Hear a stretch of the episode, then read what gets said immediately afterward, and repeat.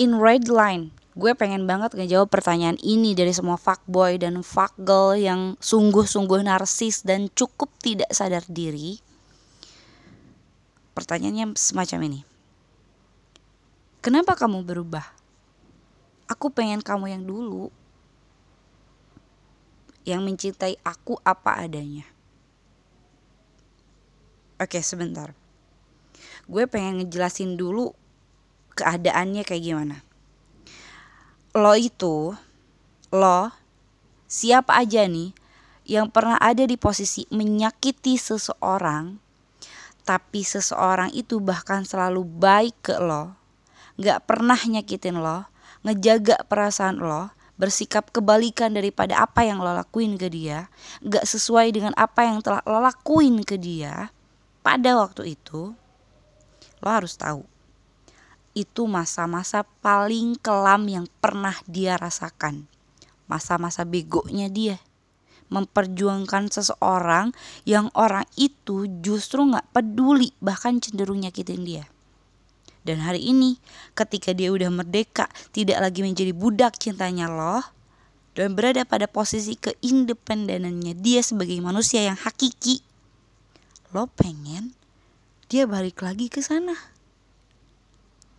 ke masa-masa paling terpuruknya dia.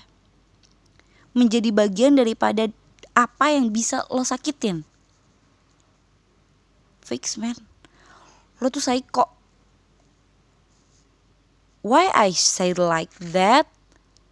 Karena bagaimanapun lo mau berubah, harusnya lo tetap malu buat datang lagi dan minta dia untuk kembali sama lo lo tuh udah nyakitin seseorang dan lo berharap lo bakalan bahagia sama dia.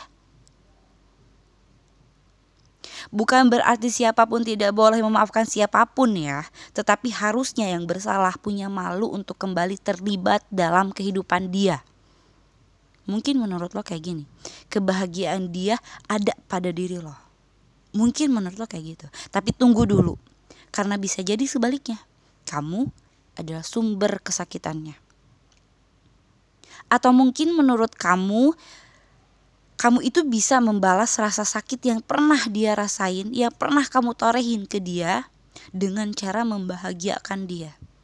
Well, kamu benar. Kamu benar, kamu bisa membahagiakan dia.